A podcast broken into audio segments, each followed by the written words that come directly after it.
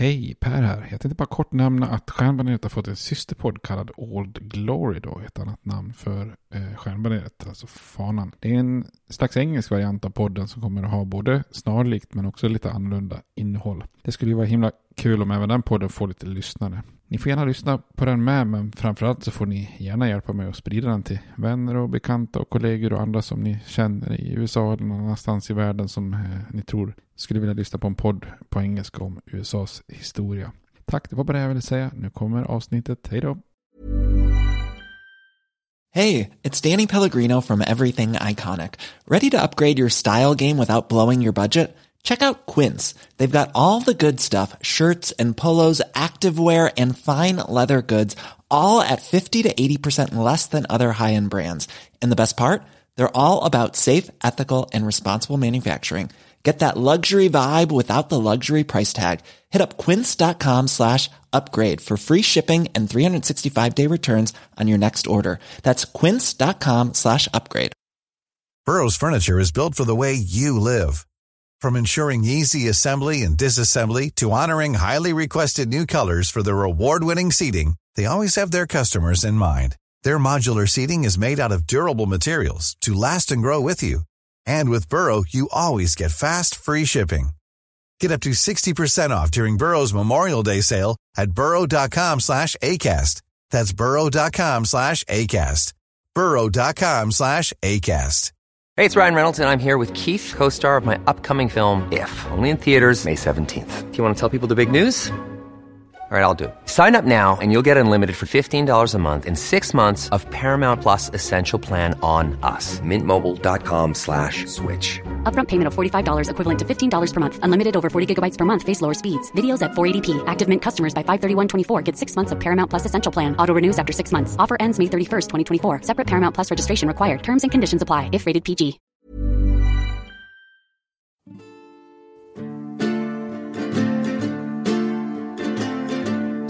We hold these truths to be self-evident, that all men are created equal, that they are endowed by their Creator with certain unalienable rights, that among these are life, liberty, and the pursuit of happiness. Now we are engaged in a great civil war, testing that government of the people, by the people, for the people, shall not perish from the earth. And so, my fellow Americans, ask not what your country can do for you. Ask what you can do for your country. I have a dream. My four little children will one day live in a nation where they will not be judged by the color of their skin, but by the content of their character. Mr. Gorbachev, tear down this wall. I did not have sexual relations with that woman, Miss Lewinsky. Hej och välkommen till Stjärnmariet, en podcast om amerikansk historia med mig Per Fjärdingby. Där jag i långsam takt eh, betar av det här med medborgarrättsrörelsen och afroamerikansk historia. Som ett lite specialområde och eh, tänker att vi kommer att kunna snabba på översiktsserien när vi har gått på djupet med de här bitarna som jag tycker ändå är oerhört centralt för att förstå USA idag då med allt som har att göra med Black Lives Matter och George Floyd och liknande delar eh, där man kan fundera på hur det kan se ut i USA idag som det gör när det gäller just rasfrågan då och minoriteter. Vi har ju tittat lite grann på de här åren i slutet av 60-talet, början av 70-talet i förra avsnittet när medborgarrättsrörelsen är på reträtt då. Eh, och det är ju inte så konstigt, Martin Luther King mördas. Eh, republikanerna tar tillbaka presidentposten för första gången på, på länge. Och eh, man har då Richard Nixon som använder sig av den här Southern Strategy för att börja försöka vinna mark i södern och flörta dem med Eh, vita som tidigare varit förespråkare av segregering i södern. Eh, och vi såg i förra avsnittet hur eh, man använder då den här frågan om bussning som ett sätt att kritisera integreringen mellan svarta och vita. Då.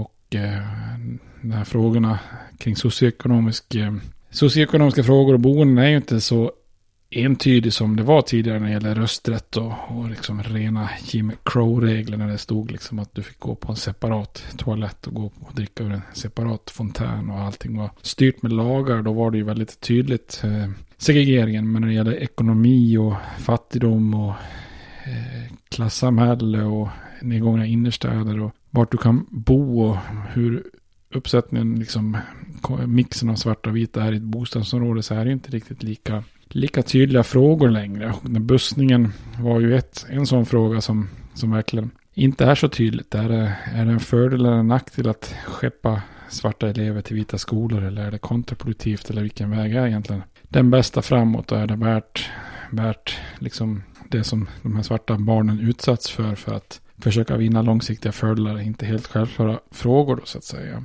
Och idag tänkte jag att vi skulle titta vidare på den här reträtten i medborgarrättskampen då.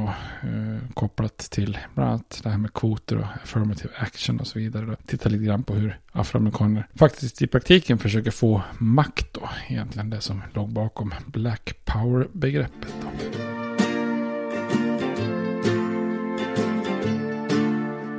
Som vi såg då så hade ju den här frågan om bussning mött, eh, mötts av en väldigt konservativ motattack då. Eh, och det här är ju ett mönster som kommer här i slutet på 60-talet, början på 70-talet. Att eh, konservativa krafter i USA börjar ta över mer och mer eh, efter en lång era av liberala krafter under, under egentligen både nya given och Great Society. Eh, många konservativa i USA då stödda senare av presidenter som Ronald Reagan och George Bush senior då eh, på, på 80-talet eh, och 90-talet började ju skilja på vad man kallar för så att säga gamla och nya medborgerliga rättigheter. De menar att de står gärna bakom de gamla rättigheterna då. Men samtidigt motsatte man sig införandet av, av nya rättigheter då. Och med gamla medborgerliga rättigheter avsåg ju de här rättigheterna som vanns då under medborgarrättsrörelsens liksom höjdpunkter då. Alltså från kanske fallet då med Brown vs. Board of Education och fram till de här Civil Rights Act 1964 som så att säga var dödsstöten för Jim Crow då. Och eh, Voting Rights Act 1965 som gav många afroamerikaner tillbaka rösträtten då. Och de här rättigheterna handlar liksom om att förbjuda avsiktlig och liksom uppenbar offentlig diskriminering då. Eh, oavsett om det var legalt segregerade skolor eller utformning av ett valdistrikt eller att hindra väljare från att rösta eller då informell diskriminering på arbetsplatser och så vidare. Då.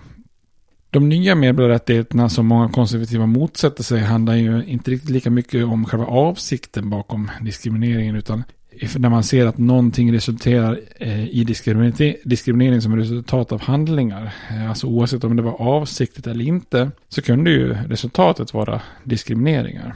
Eh, och att det faktiska resultatet kan ju också undersökas med statistik då så att säga. Med, med statistik kan man ju till exempel då visa att ja, ett, ett enskilt företag till exempel hade betydligt högre andel vita anställda än vad som kanske speglade samhället där man hade sin verksamhet. Och, eh, eller att afroamerikaner var överrepresenterade i kommunala skolor i vissa nedgångna bostadsområden och så vidare. Eller att valda politiker var betydligt högre, ja, betydligt högre andel vita än vad motsvarande eh, befolkningen är i ett valdistrikt och, och så vidare. Då. Och förespråkarna av de här nya medborgarrättsliga lagarna menar ju då att man kunde anta att diskriminering fanns där statistiken då indikerade. Det vill säga oavsett om det finns någon eh, formell regel bakom det hela som har skapat eller om det var liksom avsikten från början så kan det faktiskt ha blivit diskriminering eh, i, under processens gång så att säga. Då. Och man menar då alltså att det fanns historiska mönster av diskriminering som funnits över, över lång tid och som man kanske behövde kompensera på något sätt för att då återställa balansen då. Eh, det vill säga är afroamerikaner liksom permanent underrepresenterade i någonting och har varit det liksom i 300 år så kanske man måste överkompensera lite för att få, få upp den här normala balansen då så att säga. Och ett sätt att göra det här som blir en väldigt het potatis under både 70 och 80-talen då eh, och delvis är det än idag då. Det är ju det som kallas då för affirmative action eh, eller raskvotering eller liknande metoder då så att säga. Och gemensamt för alla former av sådana här affirmative action då var att man försökte öka numerären för minoriteter inom olika områden. Då. Eh, utbildningsplatser kanske kunde avsättas då specifikt för minoriteter. Eh, företag kanske kunde få tidsmässiga deadlines när de skulle ha anställt ett visst antal från minoriteter. Och valdistrikt kunde ritas om så att minoriteter blev mer rättvist eh, representerade och så vidare. Så och många institutioner ägnar sig ju frivilligt åt affirmative action för att leva upp till medborgarrättslagstiftning och andra då kunde ju bli beordrade av domstolar att, att agera då. En av förgrundsgestalterna inom det här som kallas för kvoter eller affirmative action var ju Whitney Young från eh, den här medborgarorganisationen Urban League. Så redan i början av 60-talet som hade föreslagit då i sin så kallade Marshall Plan for the Negro. Eh, där han hoppas då att både Johnsons Great Society och kriget mot fattigdom eh, skulle inkludera dem. en socioekonomisk satsning för, för, för städer i, i nedgångna innerstäder och så vidare då. I slutet av 60-talet skulle en person som heter Arthur Fletcher, då, en afroamerikansk assisterande arbetsmarknadsminister i Nixon-administrationen, ta upp Whitneys tankar då och han introducerade någonting som kallas för Philadelphia Plan. Eh, och tanken med den här planen var ju att landets afroamerikaner skulle kompenseras då för sina historiska orättvisor genom att man sätter då numerära mål och tidpunkter och när byggbranschen skulle ha anställt eh, rimligt många afroamerikaner. Och bakgrunden till det var ju då att byggbranschen historiskt hade varit extremt bra på att diskriminera eh, afroamerikaner och nästan enbart anställt vita då. Så i början av 70-talet så ger Nixon sitt stöd för de här åtgärderna då, som innebär att företag som ingick kontrakt med den federala staten hade krav på sig att öka andelen arbetare från etniska minoriteter då, till runt 26 procent av arbetskraften inom fyra år. Eh, och 1971 så gav Högsta domstolen sitt stöd för den här, den här typen av affirmative action då, i en dom då, Gigs vs. Duke Power Company. Och bara ett år senare så hade över 300 000 företag åtagit sig sådana här kvoter och deadlines då, som ökar antalet anställda från minoritetsgrupper då.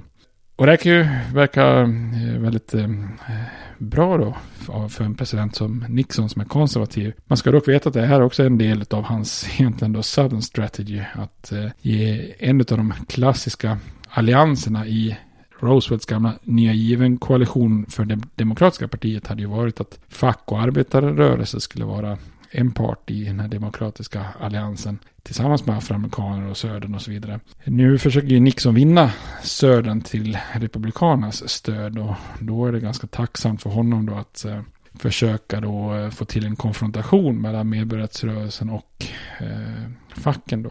Som gör att eh, många fackliga kanske kan tänka sig att rösta på Republikanerna istället för Demokraterna. Eftersom man inte gillar då den här typen av åtgärder som affirmative action. Så här är ju någonting som Nixon lite lömst stöder för att vinna fördelar på ett annat plan kan man säga.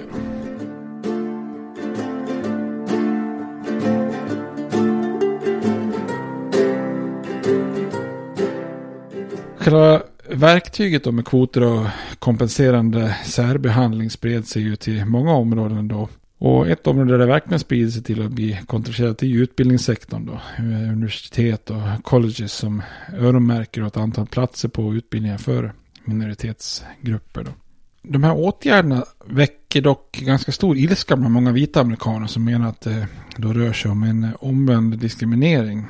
Eh, kvotering är ju någonting som väldigt många amerikaner vita då avskyr då. Man anser att varför ska vita diskrimineras på bekostnad av svartas inkvotering eller att vita på 70-talet ska straffas liksom för vad deras förfäder gjort då. Eh, många vita, eh, för många vita är det ju liksom någonstans ett framsteg för afroamerikaner, ett bakslag för vita då. Eh, och många eh, vita tycker att svarta tar deras jobb och skolor och kvarter ifrån dem på något vis. Då. Därför börjar man då på 70-talet prata väldigt mycket om omvänd rasism då. Eh, att svarta får sånt som inte vita får då. Eh, och man ansåg att det här med kvoter satte själva liksom grundbulten ur spel om att man faktiskt ska antas på, på grund av betyg och meriter då, så att säga.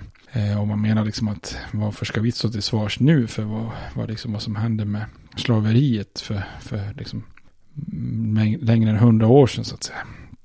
Afroamerikaner protesterar emot det här. De menar att den här strukturella rasismen som har pågått då i princip sedan slaveriet, den kommer ju liksom bara att fortgå. Eh, och att det här med att liksom, i alla fall åtminstone tillfället överkompenseras eh, som en slags eh, för att få liksom en rätt balans i det här är ju mer än en rimlig kompensation då efter flera århundraden av diskriminering. Då. Och man menar då att så kallad affirmative action var ett väldigt konkret sätt att, att, att hindra skolor till exempel då, eller arbetsgivare från att fortsätta att diskriminera eh, svarta då. Den här frågan om kvoter och affirmative action eh, hamnar ju naturligtvis också då förr eller senare i högsta domstolen.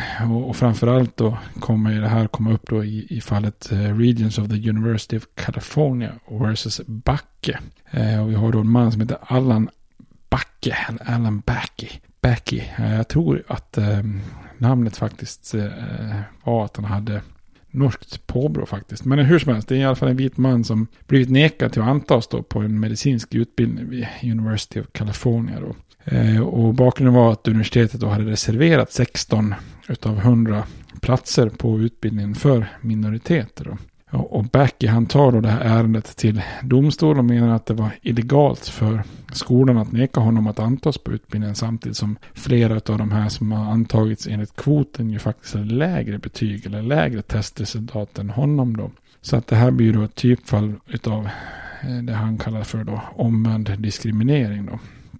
När Högsta domstolen och domarna tar tag i det här så är de långt ifrån eh, eniga kan man säga. Så det, det märks både i, egentligen i omröstningen och argumenten då. Eh, men det blir ett bakslag för medborgarrättsrörelsen. För med minsta möjliga marginal, då, fem domare mot fyra, så slår man fast att Becky hade rätt. Och att eh, universitetet bröt mot konstitutionen genom att reservera utbildningsplatser för minoriteter. Då. Så det här blir ett väldigt viktigt domstol, avgörande lite grann i medborgarrättsrörelsen då, som till inte gjorde då kvotering som kompensation för tidigare orättvisor och också undergrävde liksom en av medborgarrättsrörelsens eh, största segrar då med att försöka eh, få desegregerade skolor. Många vita amerikaner var ju väldigt nöjda med att nationen liksom redan hade sonat årtionden av rasism och att det var dags att, att liksom gå vidare då. Men den här domen är också otroligt knepig då, eh, för det var också väldigt extremt förvirrande liksom i, i domstolens argumentation då. För, för även om man fastslog liksom att skolor inte kunde reservera platser då, eller kvoter för minoriteter så menar domstolen att eh, skolor ändå kunde ta hänsyn till den ansökandes elevs ras när man antog elever för att just uppnå målet om rasdiversifiering på skolan då. Så här säger man på något vis att en direkt kvot inte är okej okay, men att man måste kunna jobba med affirmative action ändå. Eh, och då är frågan liksom hur då? Och då blir det ju väldigt många skolor och domstolar som eh, kommer att ägna väldigt många år framöver och, och egentligen fundera på vad Högsta domstolen egentligen menade med den här domen då. Och det är väl egentligen så att det än idag finns en hel del eh, oklarheter kring vad, vad affirmative action egentligen eh, är och vad man kan och inte kan göra under det här paraplybegreppet.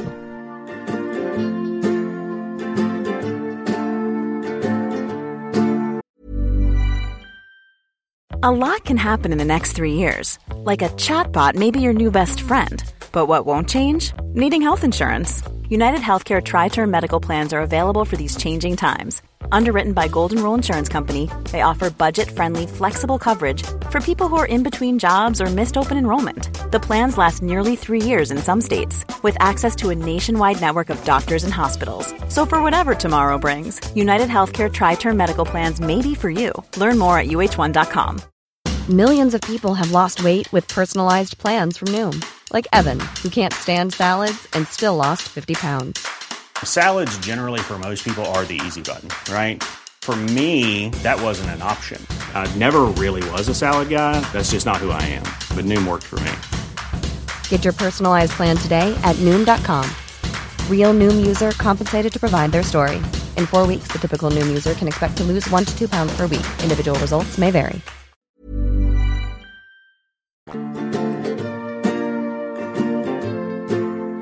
Som vi har sett då så är ju, kommer ju lite motgångar för medborgarrättsrörelsen. och efter Martin Luther Kings, eller mordet på Martin Luther King och så har det inte heller genomförts några direkta sådana här eh, demonstrationer och eh, liknande saker. Eh, så medborgarrättsrörelsen är ju lite grann på tillbakagång då. Eh, det är inte samma typ av protester och demonstrationer och, och aktioner då. Eh, men på ett område så försöker afroamerikaner switcha över lite grann och, och satsa istället på att försöka få då praktisk eh, makt då så att säga. Politisk makt och inflytande på olika områden och städer och delstater och, och så vidare då. Och det här är lite grann en fortsättning egentligen på det här med Black Power då. Eh, Black Power hade ju varit ett stridsrop för egentligen både Malcolm X och Stokely Carmichael och de här radikala grupperna som Core och Snick och sen då Svarta Pantrarna och liknande eh, radikala organisationer då. Och för vissa hade det inneburit egentligen då, vad ska man säga, en bokstavligt stridsrop och någon slags uppmaning om att göra revolution och motstånd på städernas gator då som eh, till exempel när Svarta pantrarna beväpnade sig och övervakade polisen för att hindra övergrepp och, och så vidare. För andra afroamerikaner var ju Black Power mer ett uttryck av att man skulle organisera sig och försöka skaffa sig då inflytande och makt rent politiskt. Då. Eh, redan 1965 hade ju den ganska insiktsfulla Bayard Rustin insett att de här kampanjerna om civil olydnad eh, gjort det man kunnat då och den strategin hade kommit lite grann till vägs ända då. Så istället hade han uppmanat afroamerikan, eh, afroamerikanska aktivister att börja överge protester till förmån för politik. Då. Skapa en stark allians på vänsterflygen i politiken då, mellan afroamerikaner och vita liberaler och fackföreningsrörelse och andra progressiva grupper. Då. Det var ju bland annat därför som Rustin hade varit lite emot den här Poor People's March till Washington DC som arrangerades på Kings initiativ då, efter att King hade dött. Då, så att säga. 1972 så gör afroamerikaner eh, ett försök att samla sig för politisk makt. Eh, och det är ett brett spektra av både moderata och radikala afroamerikanska ledare som kommer överens och lägger grunden för ett mer politiskt program då. När man samlas i staden Gary i Indiana. Alltså delstaten Indiana på ett möte som kallades för National Black Political Convention, NBCP. Och bland de här deltagarna så stack, var det ju några som stack ut då. Eh, dels att, att, man var i staden Gary. Och orsaken var ju att eh, eh, den staden då hade faktiskt en afroamerikansk borgmästare, Richard Hatcher, som var då en av de här absolut första afroamerikanska borgmästarna i en större stad som hade lyckats få den posten då. Eh, en annan som deltog var ju Jesse Jackson då, som ju var en av Martin Luther Kings yngsta och närmsta medarbetare från SCLC då, som faktiskt också var närvarande i Memphis när skotten eh, föll som mördade Martin Luther King då. Eh, och som senare blir en ganska känd presidentkandidat. Ja, han är ju känd än idag. Han dyker upp lite här och där. Jag tror de flesta känner till Jesse Jackson om man lyssnar på den här podden. Eh, med fanns också New Yorks Shirley Chisholm som är då den första kvinnliga afroamerikanska ledamoten någonsin i, i, i, kongressen då så att säga. Och om eh, de där då får räknas som lite mer moderata ledare så fanns också lite mer radikala ledare som Roy Innis som är ledare för, för CORE då. Som sen är lite av en kameleont och blir en slags konservativ republikan senare. Några år senare då. De här deltagarna har lite svårt att enas på konventet och det här manifestet som man skapar var ju ska man säga, tillräckligt vagt formulerat för att passa väldigt många. Då. Men på det här konventet så slår man fast då att det amerikanska politiska systemet missgynnar den stora massan av folk och var, var i behov av att förändras då radikalt i grunden och att afroamerikaner måste organisera sig för att få till stånd ett nytt och ett bättre samhälle. Och även om det fanns vissa undantag så var det ju få afroamerikaner som ville starta något slags separat svart parti för att kanalisera afroamerikansk politik. Då den stora majoriteten ville ju arbeta inom befintlig struktur då, vilket i praktiken innebar det demokratiska partiet. Då. Eh, splittringen bland eh, deltagarna kring strategi eh, ledde dock till att många förespråkare, till exempel ett tredje parti då, de som gjorde det, tyvärr då inte gav sitt stöd till Shirley Chisholm som ju faktiskt eh, eh försöker bli Demokraternas presidentkandidat 1972. Så här tappar hon lite stöd tyvärr då. På 70-talet lyckas ju dock afroamerikanska väljare och politiker nå vissa begränsade framgångar då inom ramen för det demokratiska partiet och inom det politiska systemet. Då. Eh, borgmästare är en sak. Då. I slutet av 60-talet så valde svarta majoriteter, helt enkelt afroamerikanska borgmästare i, i eh, flera större städer som Cleveland, Gary, Detroit, Atlanta. Då. Eh, Carl Stokes i Cleveland var först ut 1967 när han var, vann då. därefter kommer den här Richard Hatcher i Gary. Och talande för Hatchers val var att han vann med bara drygt eh, 1300 röster och att 96 procent av hans röster kom från svarta medan bara 14 procent kom från vita. Då. På 70-talet lyckas dessutom eh, afroamerikanska borgmästare bli valda i städer där det inte finns en, en svart majoritet av väljare. Då, eh, vilket är ytterligare en framgång. Då. Eh, exempelvis Thomas Bradley som blev borgmästare i, i Los Angeles 1973. Då, genom att också lycka till sig, eller locka till sig en hel del vitas stöd. Då. Ett antal afroamerikanska kongressledamöter valdes också in i kongressen under 70-talet, ofta från då mer afroamerikanska distrikt. Då. Eh, Shirley Chisholm från New York blir den första svarta kvinnan 69, försöker bli presidentkandidat 1972. Eh, sen kommer Barbara Jordan från Texas som blir den första kvinnliga ledamoten, ledamoten i kongressen från södern när hon väljs in 1973. Då. Eh, hon är inflytelserik, håller ett viktigt tal på Demokraternas konvent 1976 och var ju väldigt driven i det här med att ställa Nixon inför riksrätt då. Och det är ju bland annat ett tal där som jag har med i outrot till podden som jag lite av ett favoritcitat från amerikansk historia. Eh, 1974 så bildade 17 afroamerikanska kongressledamöterna första så kallade Black Caucus, alltså en slags intressegrupp inom kongressen då, där man samlas för att koordinera sig då bland afroamerikaner som, som är i kongressen då. Så det är också en ytterligare en framgång för att skapa inflytande och koordinering politiskt då. Totalt sett så fanns det 1975 runt 3500 folkvalda afroamerikaner på olika poster i landet. Och även om det är fler än någonsin så var de här politiska framgångarna för afroamerikaner väldigt begränsade eh, på många sätt sett i det, i det stora perspektivet. Och de här framgångarna var ofta begränsade till lokala nivån då, som borgmästare. Och många kandidater utanför då massivt afroamerikanska områden hade helt enkelt svårt att få brett stöd och, och bli valda. Då. Eh, under 70-talet valdes enbart en afroamerikansk senator in i kongressen, då Edward Brooke från Massachusetts. Då. Eh, och man kan notera att inget av de stora partierna nominerade någon afroamerikan överhuvudtaget som kandidat till guvernör under hela 70-talet. Då. Bland de som nådde framgångar lokalt, som exempelvis borgmästare, så var ju också tyvärr då uppförsbacken väldigt brant.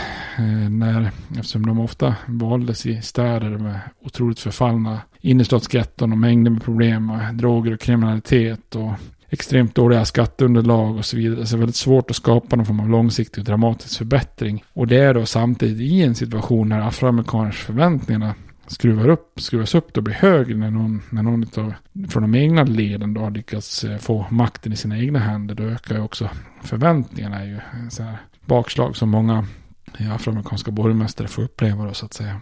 Det här Gary-konventet var ju lite kluvet då, men trots begränsade framgångar så är det en viktig milstolpe i medborgarrättsrörelsen då. Och det, när det äger rum 72 så är det ganska uppenbart att det har skett ett skifte då i strategi bland afroamerikaner i stort och från just massdemonstrationer och protester då till egentligen då eh, formella samhällsfunktioner och politiska val då istället.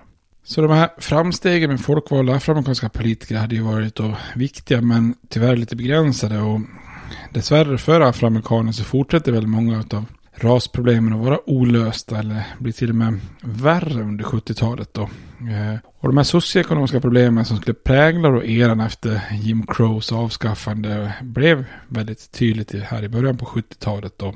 Även om man har avskaffat då det här legalt stödda Jim Crow-diskrimineringen och hjälpt av vissa sådana här affirmative action-åtgärder och så vidare så Eh, och så innebar det liksom möjlighet för den afroamerikanska övre medelklassen att skaffa sig utbildning och förbättra sina liv. Men många afroamerikaner som lyckas i samhället flyttar ifrån de här fattiga innerstadsgetterna. Och det innebär ju att de här innerstäderna förfaller ännu mer. Kvar fanns liksom bara en fattig arbetarklass vars socioekonomiska situation bara blir värre och värre då. Och det är ju tyvärr majoriteten av afroamerikaner då. Så gapet mellan den afroamerikanska då över medelklassen och den stora fattiga massan av afroamerikaner ökar ju i väldigt oroväckande takt då under de här åren 1969 till 1974 då.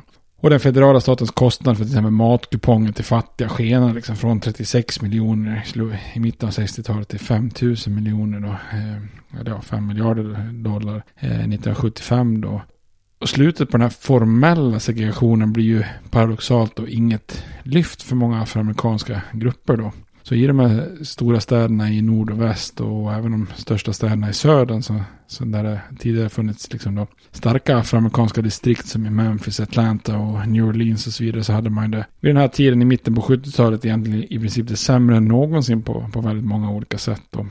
Situationen för afroamerikanska arbetare var, var lite nattsvart då. Eh, USA liksom på 70-talet liksom generellt, förutom slutet då, är förknippat, eller framförallt med, i slutet på 70-talet, förknippat med ekonomisk nedgång och instabilitet och så vidare. Och för många afroamerikaner var 70-talet som en, en enda stor lång ekonomisk depression då antalet industriarbeten minskar generellt under 70-talet och då minskar också industriarbeten för afroamerikaner i synnerhet. Och runt en tredjedel av alla afroamerikanska familjer fortsätter att leva ett liv under det formella fattigdomsstrecket. Och, eh, familjer som är splittrade och en majoritet av afroamerikanska barn uppfostras av singelmödrar som har svårt att erbjuda möjligheter i livet. Och afroamerikanska elever hoppar av skolan och tester visar att de presterar långt sämre än vita och asiatiska elever. Och I de här fattiga områdena så frodas kriminalitet och gäng och droger då så att säga. Så den stora majoriteten av afroamerikaner föds in i och uppfostras i fattiga områden som präglas av en typisk liksom, underklasskultur. Då. Och problem, problemet med just det Black Power som kom då i slutet av 60-talet är ju att det är otroligt tolkningsbart. Och, eh, vissa hade sett det som en uppmaning till någon slags revolution och eh, vapenmässig maktkamp, vilket ju då har slagits ner ganska brutalt av FBI och polisen då. Eh, och för andra som till exempel de deltagarna på Gary-konventet så handlar det om politisk makt. Men den har ju också varit begränsade framgångar då. Och den mest urvattnade tolkningen av, av, Black Power det är ju liksom då Nixons svarta kapitalism som, som heller inte riktigt leder någon vart då så att säga. Så att, eh, här börjar vi se då på 70-talet att eh, mycket av de här ekonomiska problemen och eh, eh brottslighet och fängelser antalet afroamerikanska män i fängelserna ökar lavinartat. Så det här börjar verkligen bli ekonomiska problem då så att säga.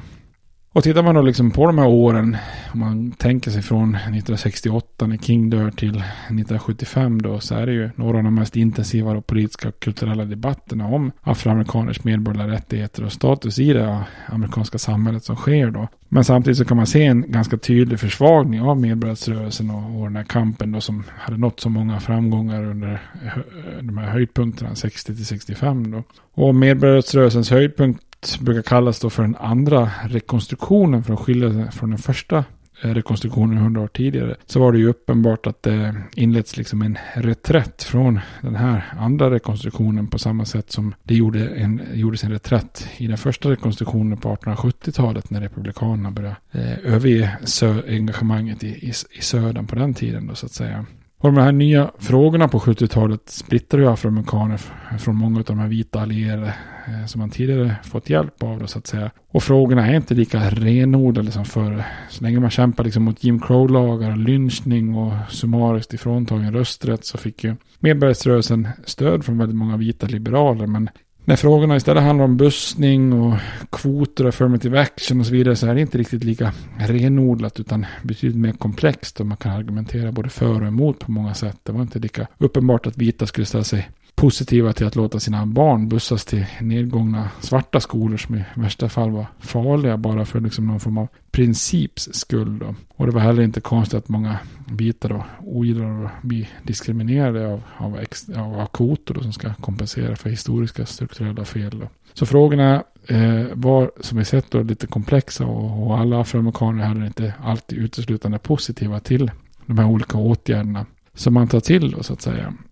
Så medborgarrättsorganisationerna fick ju kämpa på 70-talet för att hålla fanan högt och, och fortsätta ha driv i kampen då. Och trots ett hårt arbete av till exempel Roy Wilkins och NAACP så fortsatte den här tidigare så eh, gamla klassiska och, och, och hedersamma organisationen att tappa medlemmar. Och detsamma gällde för Whitney Young och hans Urban League då. Han upptäckte till exempel att hans ekonomiska förslag för att möta innerstädernas förfall hade väldigt svårt att få politiskt stöd, till och med från demokrater som annars då gett sitt stöd för Johnsons Great Society.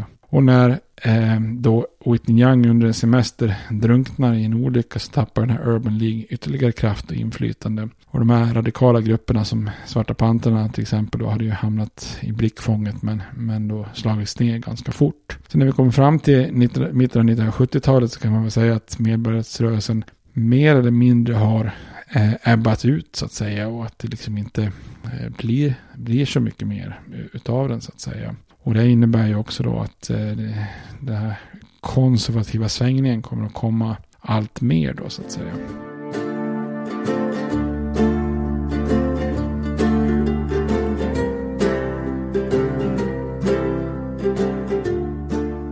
Presidentvalet 1976 var ju första gången som den här Voting Rights Act från 1965 verkligen gav resultat. Då. Och till president valdes demokraten Jimmy Carter som besegrade den sittande republikanen Gerald Ford som hade tagit över lite kort därefter att Nixon avgått eh, 74 efter Watergate-skandalen. Då, så att säga. Rekordmånga afroamerikaner hade ju röstat på Carter och gett honom segern. Så här hade ju Voting Rights Act fått följder då. Eh, och även om vita väljare föredragit Ford så hade ju afroamerikanska väljare som tidigare varit utan röst i södern verkligen bidragit till att Carter vann alla sydstater utom Virginia. Då.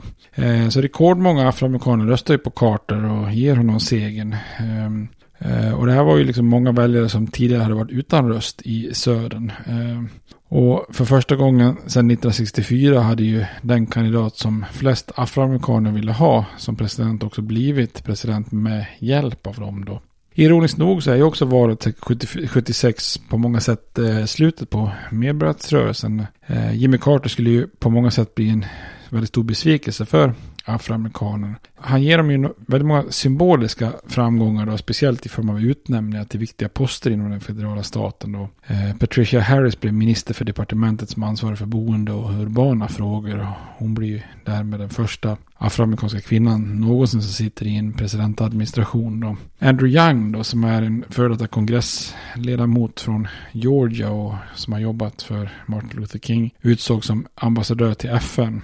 Eh, och varför också nämna Ernest Green då, som blir assisterande minister för departementet för arbetsfrågor då. Eh, eftersom han var ju faktiskt en av de här Little Rock Nine, alltså de här nio eleverna som under väldigt kontroversiella omständigheter hade desegregerat den här Little Rock Central High School 1957 som vi pratade om eh, för många avsnitt sedan. Den utbildningen gav alltså resultat och nu sitter han då med i eh, Carters administration. Ett annat sätt Eh, för Carter att liksom cementera medborgarrättsrörelsens segrar var ju när han la sitt veto mot en lag som kongressen röstade igenom som, som verkligen hade 100% satt stopp för det här med bussning som ett sätt att desegregera skolor då så att säga. Men de här två symboliska frågorna då, utnämningar och eh, ett veto var i stort sett vad afroamerikanerna fick av Jimmy Carter då.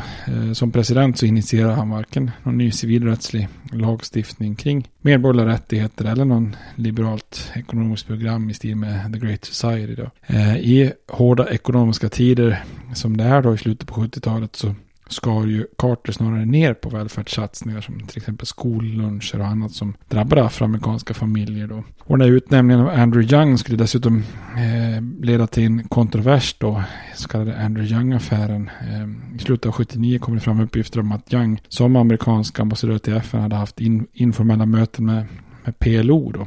Eh, alltså Yasser Arafats eh, palestinska organisation. Och det här ledde ju till, till högljudda protester bland eh, amerikanska judar då.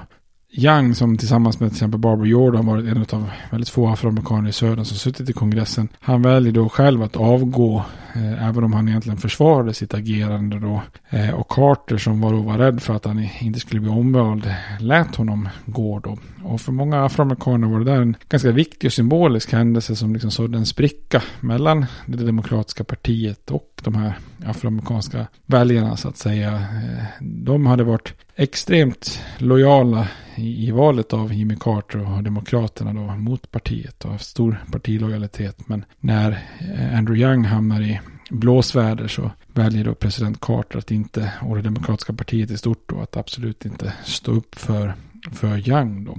Så det blir ju liksom en avgörande händelse då. Så att eh, här ser man ju då liksom hur 70-talet hela tiden har, har blivit någon form av minskat inflytande på hela medborgarrättsrörelsen och eh, eh man ser här vilken otrolig reträtt som eh, eh, medborgarrättsrörelsen eh, faktiskt har, har inneburit. Eh, och eh, till slut så, så, så, så började det liksom ebba ut på många sätt. Då. lite få sporadiska avtryck i olika val och eh, politiska tillsättningar på sin höjd som är symboliska är ju liksom vad man i det här läget får inom medborgarrättsrörelsen.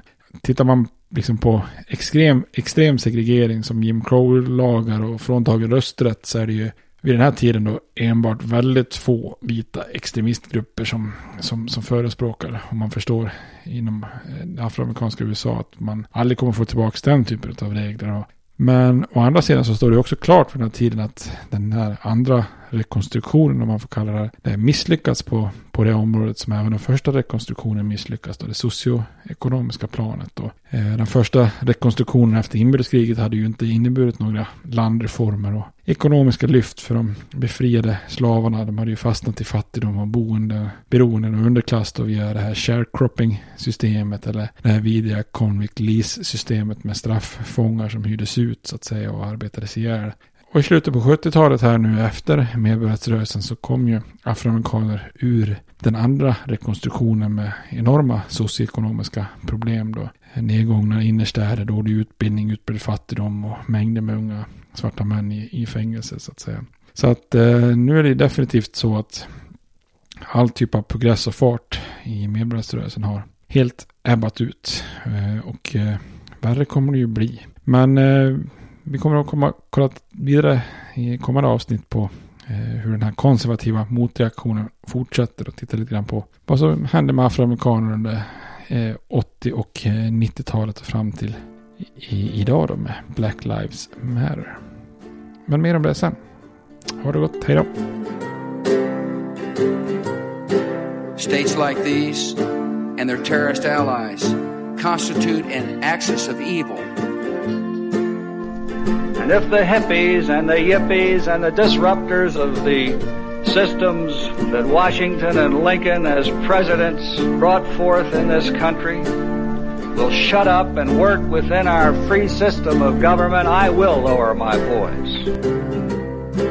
If the impeachment provision in the Constitution of the United States will not reach the offenses charged here, then perhaps that 18th century Constitution should be abandoned to a 20th century paper shredder. Therefore, I shall resign the presidency effective at noon tomorrow.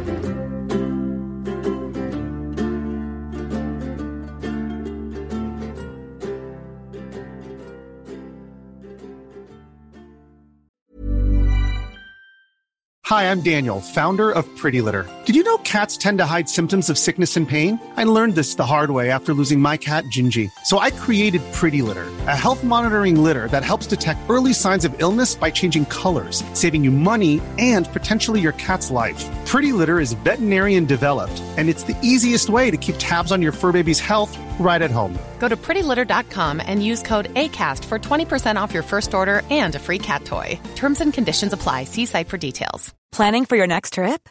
Elevate your travel style with Quince. Quince has all the jet setting essentials you'll want for your next getaway, like European linen, premium luggage options, buttery soft Italian leather bags, and so much more. And is all priced at 50 to 80% less than similar brands. Plus, Quince only works with factories that use safe and ethical manufacturing practices. Pack your bags with high-quality essentials you'll be wearing for vacations to come with Quince. Go to quince.com slash pack for free shipping and 365-day returns. Planning for your next trip? Elevate your travel style with Quince. Quince has all the jet-setting essentials you'll want for your next getaway, like European linen, premium luggage options, buttery soft Italian leather bags, and so much more. And is all priced at 50 to 80% less than similar brands. Plus, Quince only works with factories that use safe and ethical manufacturing practices. Pack your bags with high-quality essentials you'll be wearing for vacations to come with Quince. Go to quince.com/pack for free shipping and 365-day returns.